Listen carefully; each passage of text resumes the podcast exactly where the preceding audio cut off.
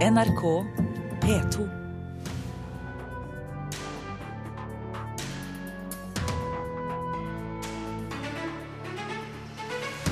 Varsleren Edward Snowden tildeles Bjørnsonprisen for 2015. Kan bli pinlig for regjeringen å måtte avvise ham, mener fredsforsker.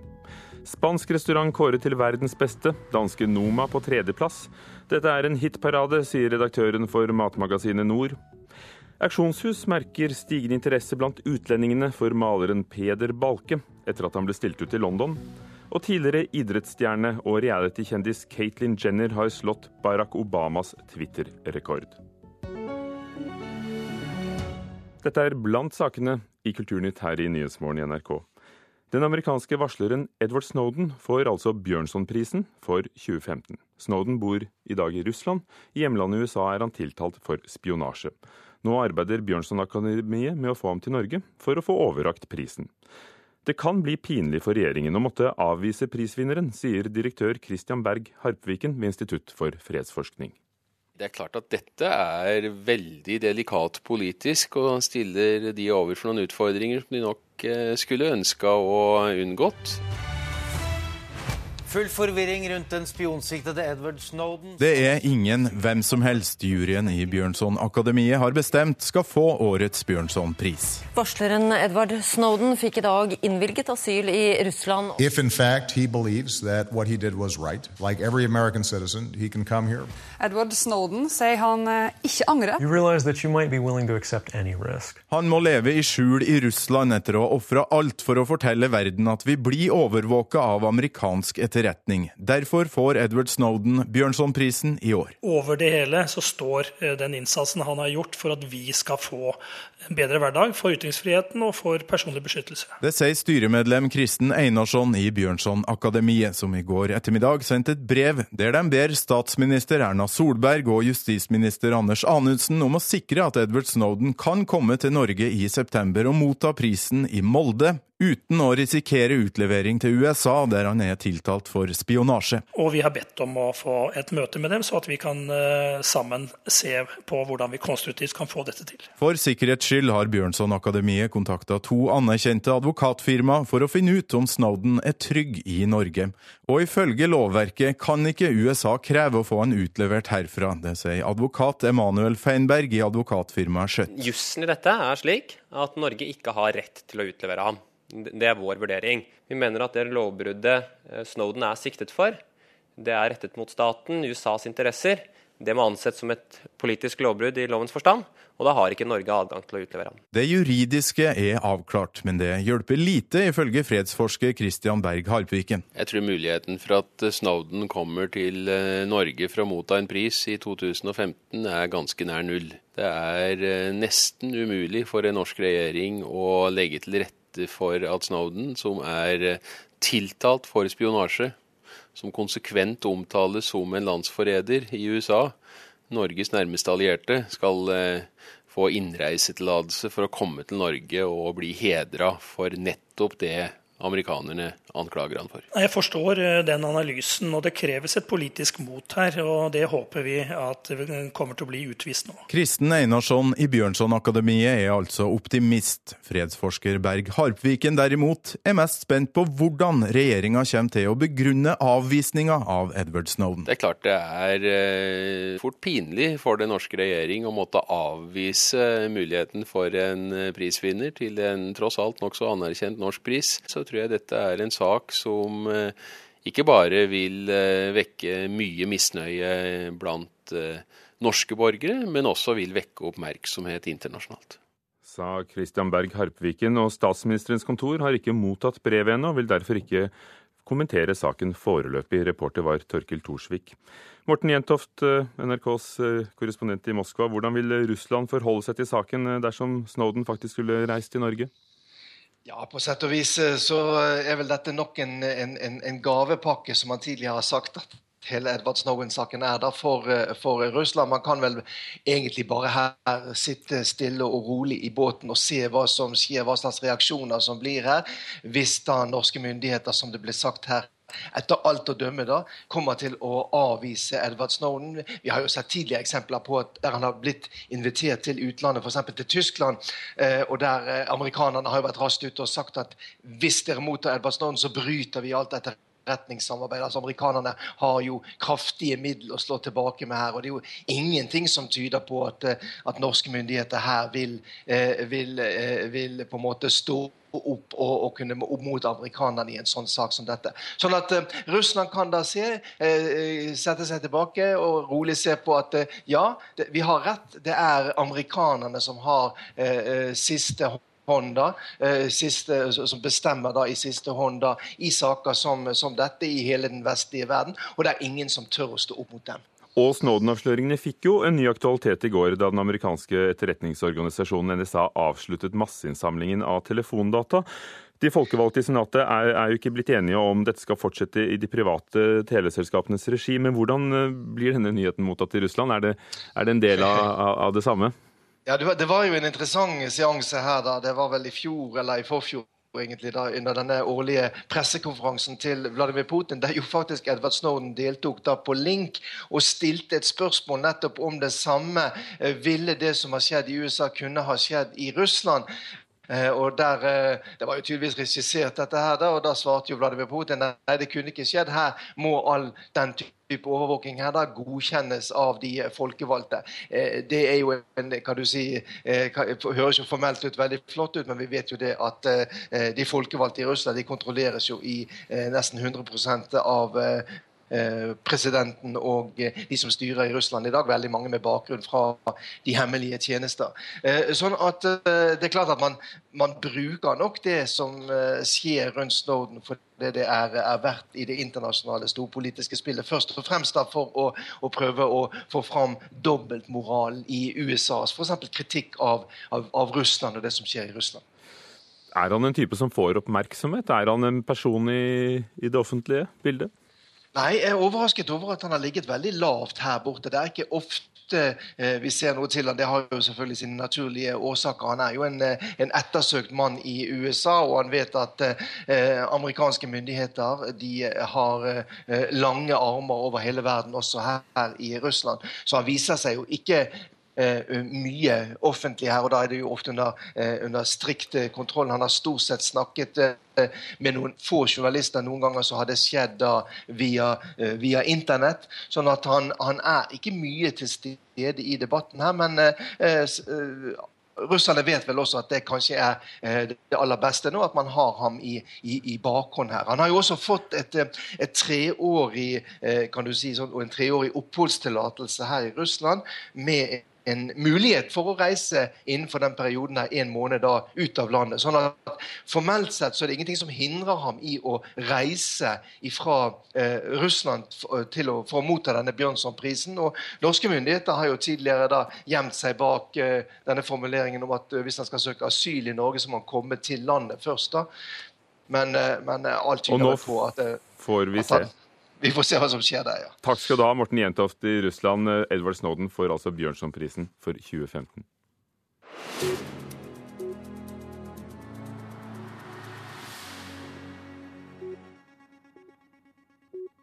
Peder Balke en av de beste og mest kjente landskapsmalerne fra romantikken i Norge, får eh, stadig mer internasjonal oppmerksomhet, og det har ført til større interesse fra utenlandske samlere. I går kveld gikk tre bilder av Peder Balke og syv bilder av Nikolai Astrup under hammeren på Kunstauksjonen i Oslo. Balkes malerier eh, ble mye omtalt da de ble utstilt på National Gallery i London, og i februar neste år skal Nikolai Astrups bilder stilles ut i samme by. Hans Rikard Helgheim i Grevedels Plass-auksjoner mener oppmerksomheten i utlandet fører til at nye kjøpere kommer på banen. Ja, eh, for Balkes vedkommende er svaret ja. Der er det merkbart at eh, utenlandske samlere og handlere har meldt seg på en helt annen måte enn for noen år siden. For Astrup er det nok ikke det enda. Det er nok de, eh, de, de norske samlerne, det kan være nye samlere, men det er nordmenn først og fremst så langt. Men så får vi se da, etter den internasjonale lanseringen om det kommer et helt nytt publikum til. Hvordan er prisutviklingen på malerier av disse kunstnerne? Ja, For Balkes vedkommende ganske interessant. Det har vært en stigende eh, interesse gjennom flere år, nesten de siste ti årene, vil jeg vel si. eh, som gjør at prisnivået nå kanskje er godt over det dobbelte eh, av det det var for ti år siden. For Astrup så, så stiger prisene jevnt og trutt, men det er nok mer å si hva slags eh, arbeider som frembys i markedet. Eksempelet i går, fugl på sten, dette kjente, nærmest ikoniske motivet, nådde jo en pris på 1,3 millioner, og det er den nest høyeste prisen for et Astrup-tresnitt noensinne. Sa Hans Rikard Elgheim i Grevedels Plass-seksjoner, intervjuet av Petter Sommer. Oslo-politikerne utsetter behandlingen av spørsmålet om hvorvidt Munch-museet skal skilles ut som en egen stiftelse. Det skriver Aftenposten i dag. Det er i forbindelse med flyttingen til Bjørvika i 2019 at museets ledelse ønsker å gjøre det om til en stiftelse eller et aksjeselskap. I april bestemte byrådet seg for at museet fortsatt skal være en kommunal etat. Finanskomiteen skulle egentlig behandle spørsmålet i morgen, men har nå bestemt seg for å vente til august, da dette kommer opp i bystyret, om det skal bli en stiftelse eller ikke. Den spanske restauranten El Cellar de Can Rocca i Girona topper listen over verdens 50 beste restauranter. Nummer to ligger i Modena i Italia og heter Osteria Francescana. Og på tredjeplass finner vi Noma i København, som tidligere har ligget flere år på toppen. Anja Seberg Lyon, eier og redaktør av matmagasinet Nord. Hva betyr en sånn liste? Det er en hype i utgangspunktet, men det betyr veldig mye allikevel for eh, restaurantturismen da, til Norden. Eh, for det er jo fire og en halv kan man si, restaurant på 50 på topplisten. Eh, fire, dans, to danske, to svenske på 50 på topp, og en norske Moemo på 64.-plass. Veldig bra. Er det en passende rangering, synes du? Eh, jeg er ikke riktig til å vurdere det, for jeg har spist på tre av dem. Men jeg synes at i forhold til når jeg vet hvor mange som er med på å rangere, så må jeg si at vi bare skal være veldig veldig stolte og veldig fornøyde. Og jeg ser i forhold til hvordan det blir snakket rundt omkring, og hva folk synes, at disse restaurantene er altså virkelig anerkjente, utrolig flinke og helt toppsjiktet. Denne topp 50-listen, som da faktisk går helt til 500, er 14 eh, år gammel. Eh, veldig kommersielt sponset eh, happening av, en, av et kredittkort og en italiensk mineral, mineralvannprodusent. Men hva er det de nesten 1000 menneskene som stemmer, ser etter, og hvem er de? De er valgt ut av Altså det er 27 land som får eh, stemmerett, eller som får en, en overstemmer, da. Han eller hun igjen velger 36 hver.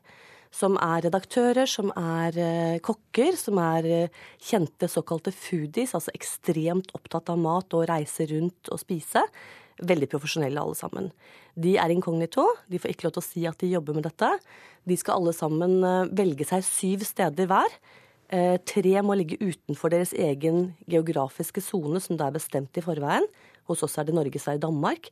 Eh, så da velger man fire innenfor og tre utenfor, og man skal ha spist på dem innenfor de siste 18 månedene og dokumentere at man har gjort det. Og så dokumentere også hvorfor, eller forklare hvorfor man har valgt som man har valgt. Men hva skal til da, for å, å, nå opp i disse avstemningene, sett utenfra? Det er ingen gitte kriterier. Det er opp til hver enkelt dommer. Eh, de er 950 stykker til sammen, så det er selvfølgelig veldig forskjellig i forhold til hvor de kommer fra. Men kan du se noen tendenser når du ser hva som når opp? Eh, nytt, nytenkning, eh, gjøre ting som folk ikke har gjort før. F.eks. Feviken, som ligger i Gjerpen i Sverige innenfor Åre. De har altså et sted som er så langt å komme til at du må med snøscooter om vinteren, og de reklamerer med at du får ditt eget vaskevannsfat når du har kommet frem på rommet. Det er veldig, veldig rustikk, veldig annerledes, veldig tilbake. Og han lager, uh, sies det, jeg har dessverre ikke vært der, uh, mat som, er, som får englene til å synge av helt enkle, enkle råvarer. Og det er veldig typisk. Man går tilbake og henter gamle teknikker, gamle råvarer og gamle måter å gjøre ting på. Og så gir man det en av noe nytt som man kanskje har lært ute på et kjøkken i Sør-Amerika eller i USA eller Frankrike. Eh, og så får man det til å bli sin vri. Og da kan man ha klart det. Så hva skiller denne topp 50-listen fra etablerte guider som f.eks. Michelin-guiden, som vi ofte snakker om? Michelin-guiden går, går mye på arbeidet ditt gjennom mange, mange år. Eh, noen kan være veldig nye, som Maemo, som fikk stjerne etter, eh, stjerner etter 14 måneder. Eh, men viser en sånn traver som viser et solid kjøkken fra bunnen av, eh, og noe som man regner med kommer til å vare, er i hvert fall min oppfatning av det. Mens 50 eh, beste, det er de skal helst komme noe nytt. Det skal være et islett av noe helt annerledes og nytt. Anja Seberg-Lyon, du er jo redaktør for matmagasinet Nord. Det var den danske restauranten Noma som har, lå på topp i år. Maemo i Oslo på 64.-plass. Er det et nytt nordisk kjøkken? Og har dette vært med på å, å, å få det frem? Altså Det nordiske kjøkkenet, eller det nynordiske kjøkkenet som man ofte omtaler det som, er utrolig viktig for verdenskjøkkenet. Det ser vi hele tiden. Eh, jeg, nettopp, jeg var på nettopp på reise i Reykjavik og møtte 50 amerikanere som fortalte at dette var en fakkel for dem. Dette var virkelig noe de rettet seg etter, og så hvordan eh, Norden jobber. Og, og det går jo på nettopp stolthet til råvarene, samarbeid med produsenter og helt opp til regjeringsnivå, for den saks skyld, for å forsøke å jobbe frem et bærekraftig kjøkken. Eh, det er noe av det som styrker Norden. Vi bruker det vi har, og får eh, stjernekjøkken ut av det. Takk skal du ha. Du hører på Nyhetsmorgen i NRK. Klokken er 19 minutter over åtte. Overskriften i dag. Snø og vind skaper kraftige problemer for bilistene på flere fjelloverganger i Sør-Norge. Foreløpig er det åpent for trafikk over Hardangervidda, Hemsedalsfjellet og Haukelifjell.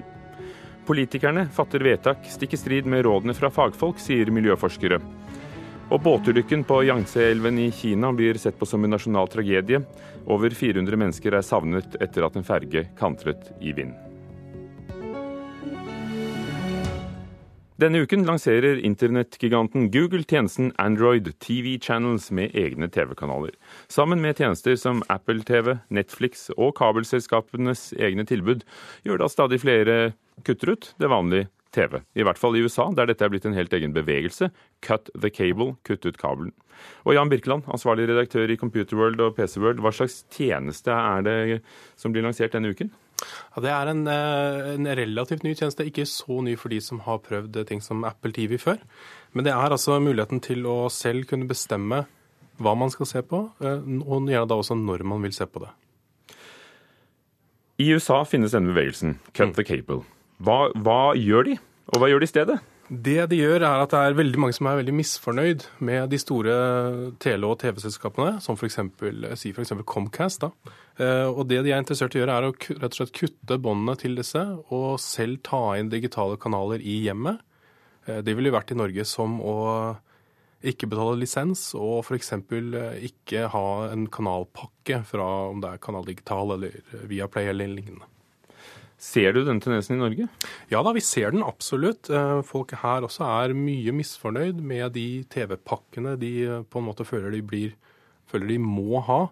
Eh, om de kjøper internett eller, eller, TV. Man er gjerne interessert i et par kanaler, og ender opp med da gjerne 50-60 kanaler man helst ikke vil se på. Og det koster jo mange tusen kroner i året. Men i Norge så er det jo mulig å faktisk kutte kabelen og se på NRK 1, 2 og 3 helt gratis med en liten digitalantenne. Og den siste statistikken viser at nesten alle aldersgrupper ser mer av klassisk analog TV som NRK. Er ikke det stikk i strid med fremtidsvyene? Egentlig ikke, eh, fordi det er eh, medievanene våre som har forandret seg. Vi ser at eh, man ser litt mer på TV nå. Og vi ser jo at vi registrerer at NRK har gått opp. Det er veldig bra. Vi registrerer samtidig at andre nettverk, som Discovery, har gått ned. Og det har nok også veldig mye å si på hva slags kvalitet folk forventer. Vi er blitt vant med god kvalitet fra NRK, eh, og kan nå supplementere det eh, med andre tjenester som Netflix og lignende. Og Likevel tror du at de tradisjonelle TV-kanalene går mot slutten? Kommer, vi tror nok at de går mot slutten. Vi tror Om en generasjon så vil man ha full kontroll på hva man vil se selv. Men man vil, og dette er viktig, man vil fremdeles ha muligheten til å sette seg ned, skru på TV-en, og så er det noe der allerede. Det er ikke det at man er nødt til å velge hver gang. Men det er eh, som f.eks. med NRK at man har tilgang til en back catalog og kan se tidligere programmer når man ønsker å se det. Uh, og det gjelder jo også for den saks skyld TV 2 og TV Norge og alle de andre når man er på, på nettet. Men er ikke da dette en slags paradoks, det eh, Google lanserer denne uken, Android TV Channels? at Der er det jo nettopp eh, på nett, men klassiske TV-kanaler. Du går inn, og det kommer det ene programmet etter det andre. Ja, helt riktig. Og det er nok eh, litt, en liten respons til eh, hvordan vi har tatt imot disse nye strømmetjenestene. Eh, der er det også vært en del mennesker som har sier at det er Ikke bare bare å sette seg ned foran en TV og så bestemme seg for hva man skal se. Man kommer gjerne hjem fra jobben, slenger fra seg sekken, setter seg på sofaen, og så vil man gjerne bare ha noe på skjermen. Og det er jo der vi ser NRK er glimrende. Da får man muligheten til å se nye programmer, ting man ikke kanskje visste at man var interessert i allerede. Hvordan tror du norske tilbydere vil klare seg eh, i forhold til strømmen av utenlandske tilbud som Android, Apple TV, Netflix, HBO osv.? Jeg tror de kommer til å klare seg veldig godt. Norge er, Vi har en ganske god eh, gruppe medier, spesielt på TV-fronten, som allerede ligger ganske langt framme når det gjelder det å kunne tilby ting på nett eh, og online. Eh, dette gjelder både direkte, men også da en, en back-catalog. Takk skal du ha, Jan Birkeland, redaktør i Computerworld og PC-World. Den frivillige sektoren spiller en stor rolle for å få folk tilbake til arbeidslivet. Det fastslår Nav. Og hvorfor vi snakker om dette, er fordi Middelalderfestivalen i Tønsberg startet i helgen opp med opp mot 40 av de frivillige som er uføre eller delvis uføre. De seneste årene har festivalen bidratt til at en rekke personer i disse gruppene er kommet tilbake i arbeid. For oss er det veldig viktig at alle kan være med å bidra. Eh, og vi syns jo spesielt kanskje for de som ikke har en jobb å gå til, sånne ting, så ser vi det at eh, når de får lov til å yte i sitt eget tempo på de tinga de vil, så yter de mye. Det sier Terje Floberg, prosjektleder for Tønsberg middelalderfestival. Han forteller at flere som har jobbet frivillig for festivalen, har klart å komme seg tilbake til arbeidslivet. De siste åra har jeg hatt ti stykker på Nav-ordninger. Av de har åtte gått i arbeidslivet og én gått i skole. Terje Tønnesen, fylkesdirektør for Nav Vestfold og Telemark, sier at samarbeid mellom Nav og frivillige organisasjoner er kritisk viktig for å få folk tilbake i jobb. Eh, hvis vi skal løse samfunnsoppdraget med å få aktivisert befolkningen, de som er utenfor, eh, og få folk tilbake. Og også integrere en del mennesker i arbeidslivet. Så spiller frivillig sektor en stor rolle. Det gir sosial inkludering. Eh, man jobber sammen med andre mennesker om et mål og mening. Og det kan gi gode assosiasjoner mot å delta i arbeidslivet. Og Reporter i saken var Karin Grønn Matshus, og det er til helgen at middelalderfestivalen åpner i Tønsberg.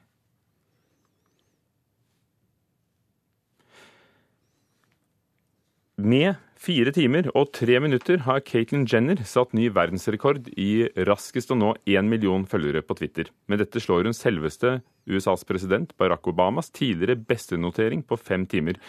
Og reporter eh, Petter Sommer, la oss begynne med hvem er Caitlyn Jenner? Ja, altså Poenget her er jo det at ingen har faktisk sett Caitlyn Jenner før i går kveld. Og på disse bildene som Vanity Fair har lagt ut på sine nettsider, så ser, en, eh, så ser hun ut som en veldig vakker dame, ca. 40 år gammel kanskje, med langt, bølgete brunt hår, masse bar, plettfri hud og iført et sånt korsettlignende undertøy som eh, virkelig fremhever eh, den kvinnelige kroppen hennes. Da. Men det som er så spennende med dette, her er at alle vet jo at Caitlyn Jenner egentlig er en mann som heter Bruce Jenner. Og ikke nok med det, han er 65 år og er tidligere olympisk atlet som satte verdensrekord i tikamp på 70-tallet. Så det er virkelig en stor forandring denne Bruce Jenner har gjennomgått. Men eh, nå er det jo stor offentlighet rundt flere mennesker som enten har skiftet kjønn eller er transseksuelle, og, øh, eller bare kler seg i klær av det motsatte kjønn. Er det det selve bildene her som er så oppsiktsvekkende? da? Ja, det må man kunne si. Altså, jeg har eh, googla sikkert som veldig mange tusen andre Bruce Jenner og kvinne osv. på internett i dag, og ser at det ligger en del bilder ute allerede. Og mm, de er ikke i nærheten av disse, bildene her. De er tatt av en fotograf som heter Annie Leibowitz en av eh, Amerikas virkelig eh, mest kjente og prestisjefulle fotografer. Så her har hun gjort en særdeles god jobb, og ikke minst tukla mye med Photoshop, eh, regner jeg med. Takk skal du ha, reporter Petter Sommer om Caitlyn Jenner på Vanity Fair sin forside.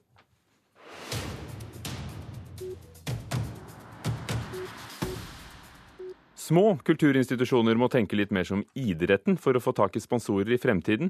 Det tror en av Norges fremste eksperter på området. I Tromsø har jazzklubben gått nye veier for å berge økonomien, og for å kunne få de store navnene til byen. I det nystarta Jazzlauget jammer de sammen med både næringsliv og private. Alle drar jo nytte av at, eh, at det skjer noe i Tromsø. På restauranten Emmas Under i Tromsø er en amerikansk jazzstemme forsiktig rørt inn i lukta av muskat. Innehaver Anne-Britt Andreassen er en av ti bedriftseiere og privatpersoner som har kjøpt seg inn i et nystarta jazzlaug. For det første så er jeg veldig glad i jazz. Generelt glad i god musikk. Som så tidligere så hadde jeg jo masse jazzkonserter, og, og ble jo faktisk kalt for jazzmama. Trompetisten Randy Brecker er en av mange jazzstjerner som har gjesta Tromsø Jazzklubb siste året. Men medlemsavgift fra rundt 200 medlemmer holder ikke for målet om å tilby rundt 40 toppkonserter årlig. Derfor kom ideen om å engasjere næringslivet i større grad. Den lokale forankringa er kjempeviktig, fordi at selv om vi som jazzklubb mottar betydelige midler i offentlig støtte, så er det på en måte det er et veldig viktig bein å ha. Det sier Øystein Blix, daglig leder i Tromsø Jazzklubb, om hvorfor de starta Jazzlauget, som i tillegg er helt i tråd med regjeringa sitt ønske om at kulturen skal leve av mer private penger. 10 000 kroner er inngangsbilletten til lauget. Jazzklubber er veldig lite vant med å ha sponsorinntekter. Det er mer vanlig i i, i, idretten, og, med, med, suksess der. Jeg tror ikke det er spesielt vanlig, fordi at uh, kulturen har jo tradisjonelt sett ligget litt bak i, i løypa på på sponsorfeltet. Så det er jo et positivt initiativ. Sier Vegard Arntzen, daglig leder i Sponsor Insight, et av de største analyse- og rådgivningsselskap innen sponsing. Han syns flere i kulturlivet bør tenke litt mer som man gjør innen idretten når det gjelder nye måter å nå sponsorer på. Jeg syns det er bra at, eh, at, noen innen kulturen eh, liksom slipper litt eh, opp og sier at det er ikke farlig å samarbeide med, med, næringslivet. Det totale sponsormarkedet i Norge er over 4 milliarder kroner, og av dette regner man at kultur og festivaler har om lag 17 Og til tross for dårligere økonomiske tider blir det ikke mindre sponsorpenger, ifølge Arntzen. Det øker stadig, men hva er den tradisjonelle kulturen, altså hvis du tar kulturlivet minus festivaler, da, så er det jo en stagnasjon der. Eh, det har vel antageligvis bakgrunn i at de andre eh, delene av, av sponsormarkedet blir stadig flinkere i hvordan de jobber, og at de tilbyr eh, mer og mer interessante ting til, til næringslivet. Og reporter var Hege Irén Hansen. I Kulturnytt har vi hørt at Edward Snowden, varsleren som er tiltatt for spionasje, får Bjørnsonprisen. Hanne Lunås var teknisk ansvarlig, Gjermund Jappé produsent, og Ugo Fermarello programleder. Hør flere podkaster på nrk.no podkast.